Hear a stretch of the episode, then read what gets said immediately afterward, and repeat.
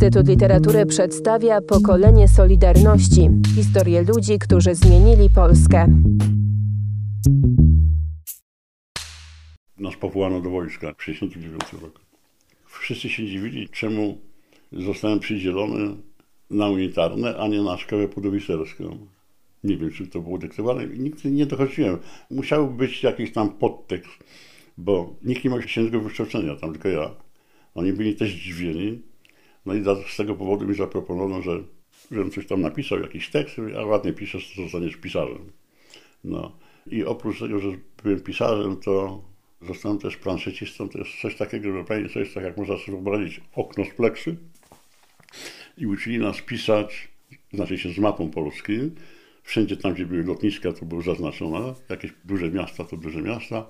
I myśmy naprowadzali samoloty. Jak tam startował, to w Szławkach, jak ja pamiętam, to się gdzie on się udaje.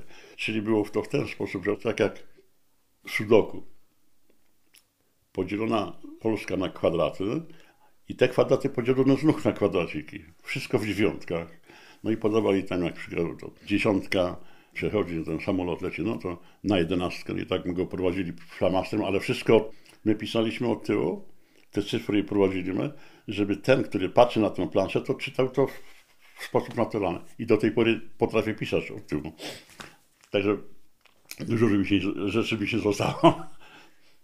Ja w każdej sytuacji praktycznie sobie zdawałem radę, wie pani, bo ja byłem jeszcze zawodowym sportowcem, wie pani, także trudna taka dyscyplina, bo to były zapasy.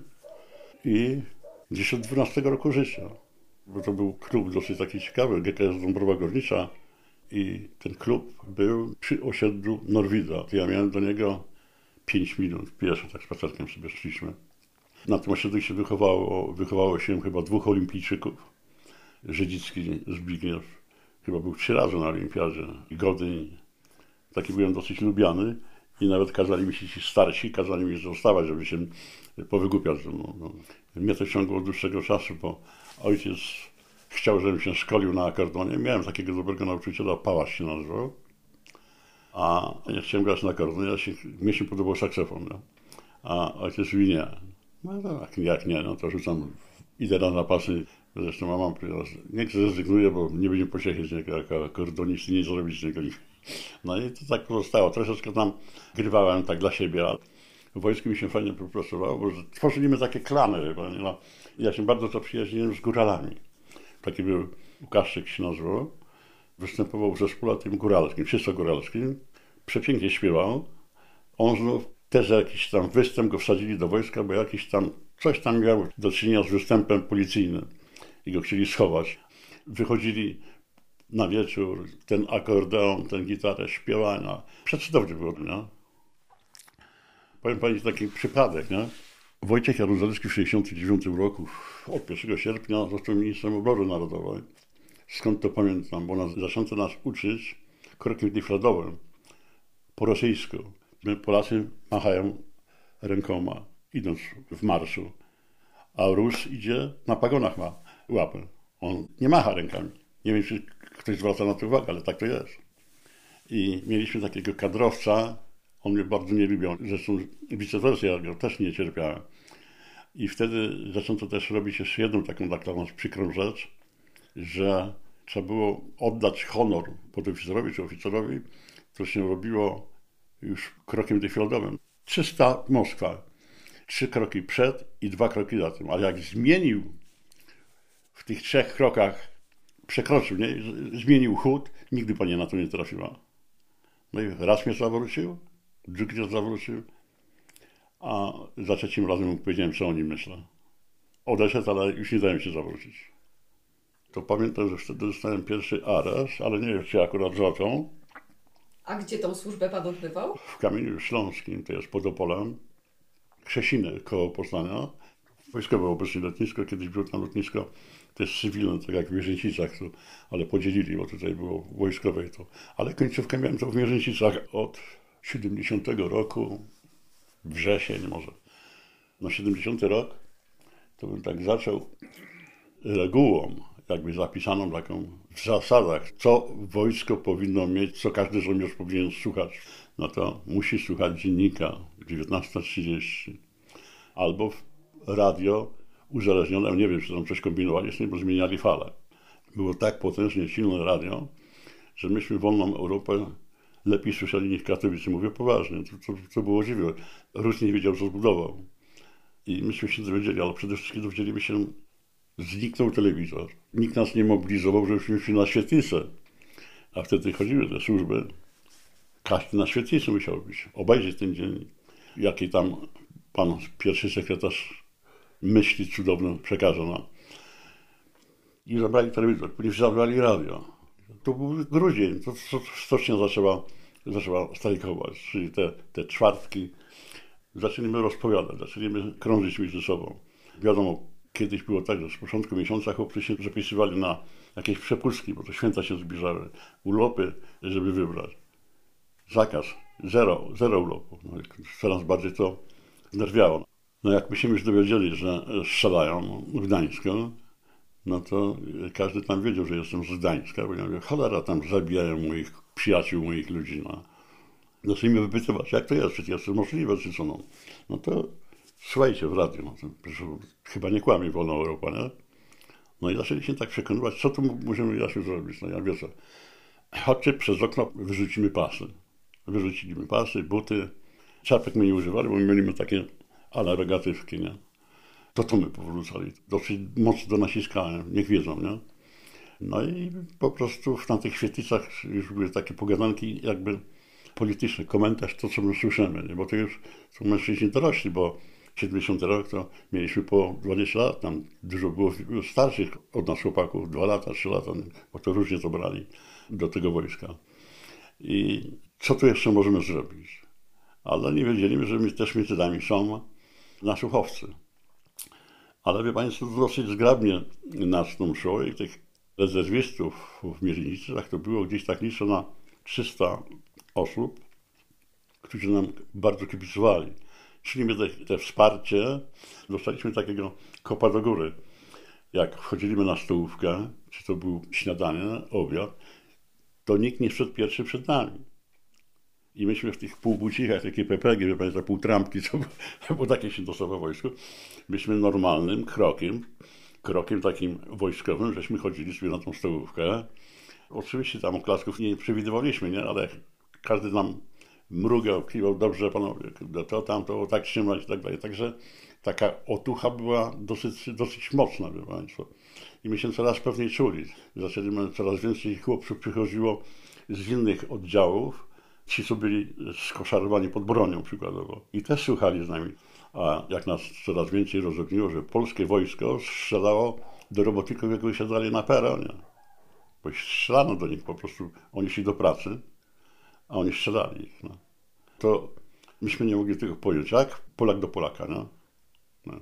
Bo jakby to był już jakiś Sowiet albo jakiś inny jeszcze okupant, ale, ale Polak do Polaka to... i polski żołnierz zamiast bronić, to stoi po drugiej stronie barykady. Nie? To jest coś okropnego. Dużo politykowało tam, dużo mądrych ludzi, bo ten powiedział, że dziadka mu komuniści zabili gdzieś tam. Ja pierwszy raz wtedy usłyszałem, co to jest żołnierz niezłomny. Wtedy właśnie w wojsku ja usłyszałem, co to jest. Że y, ktoś tam walczył do 52 roku, czy coś tam. No i później zaczęto, bo w każdym pułku byli też oficerowie polityczni. Czyli był jakiś jeden głównodowodzący no, polityczny, ale też na każdej kompanii był polityczny. I żeby nas złamać, rozdrobnić, to zaczyna nas przesiedlać po innych, bo w Mierzyńcicach to były w czasach mojej służby wojskowej, to były baraki takie, no po prostu baraki. No. I zaczęto z nami tak przesiewać nas, tych tutaj, tych tu, żebyśmy my jako całość nie mieli kontaktu, ale i to nie upilnowali nas, bo przed śniadaniem, śniadanie i na kolacji żeśmy byli. A po kolacji był wolny czas, bo to było, to już było takie przykazane dla rezerwistów, że muszą mieć wolny czas i tam zamknięty. Myśmy się spotykali w dalszym ciągu. Także wytrwaliśmy dosyć długo i później zaczęły się wybiórczo zastraszenia, pogaduszki, czego oczekujemy. No to każdemu żeśmy mówili, tak, to, to, to w tej grupie takiej przywódczej, to każdemu powtarzali, jak będę was pytać, czego oczekujecie, czego dotyczy ten protest. Chcemy oglądać telewizję. Chcemy słuchać radia.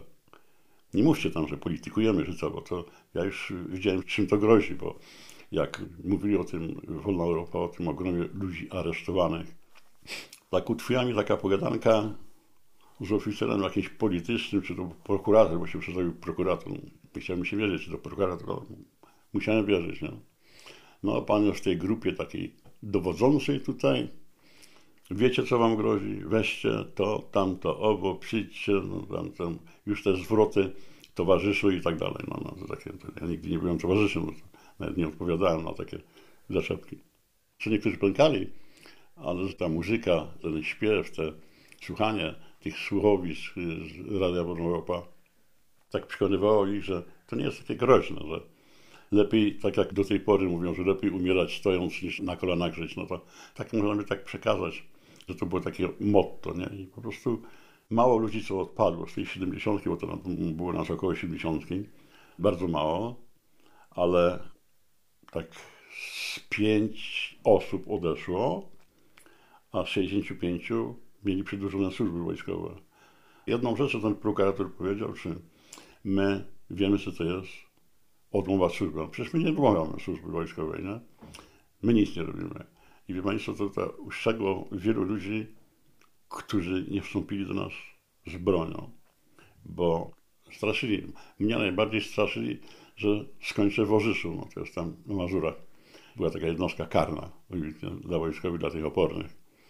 No ale przesiedziałem, 102 dni dłużej siedziałem od dechy do dechy. I proszę sobie wyobrazić, że trudno mi było mnie odkręcić, bo niby miałem wyjść do cywila w kwietniu, a w sierpniu. I teraz zadawano mi pytania, jak to się stało, że przez trzy miesiące się nie zgłaszałem. Do książeczki mi wbito, że wyszłem w kwietniu, tak jak wszyscy. I wszystkim tak powbijano, że wychodzimy w tym i w tym dniu. No ja mówię, jak tam? Przecież dzisiaj jest sierpień, a tu pisze mi, że w kwietniu już wyszłem. Co ja byłem, albo przyjdzie gdzieś, no. Ale później dopiero w latach 80. żeśmy to odkręcali. Także mam to zaliczone. Tak to bym miał dwa lata w plecy, no. Wróciłem na kopalnię generał Zawadzki. Kopalnia to był taki zamknięty klan tabu, taki, Oni się po prostu byli tak zastraszeni, mówię o tych kopalniach zagłębiowskich, bo to było na czerwono spacyfikowane.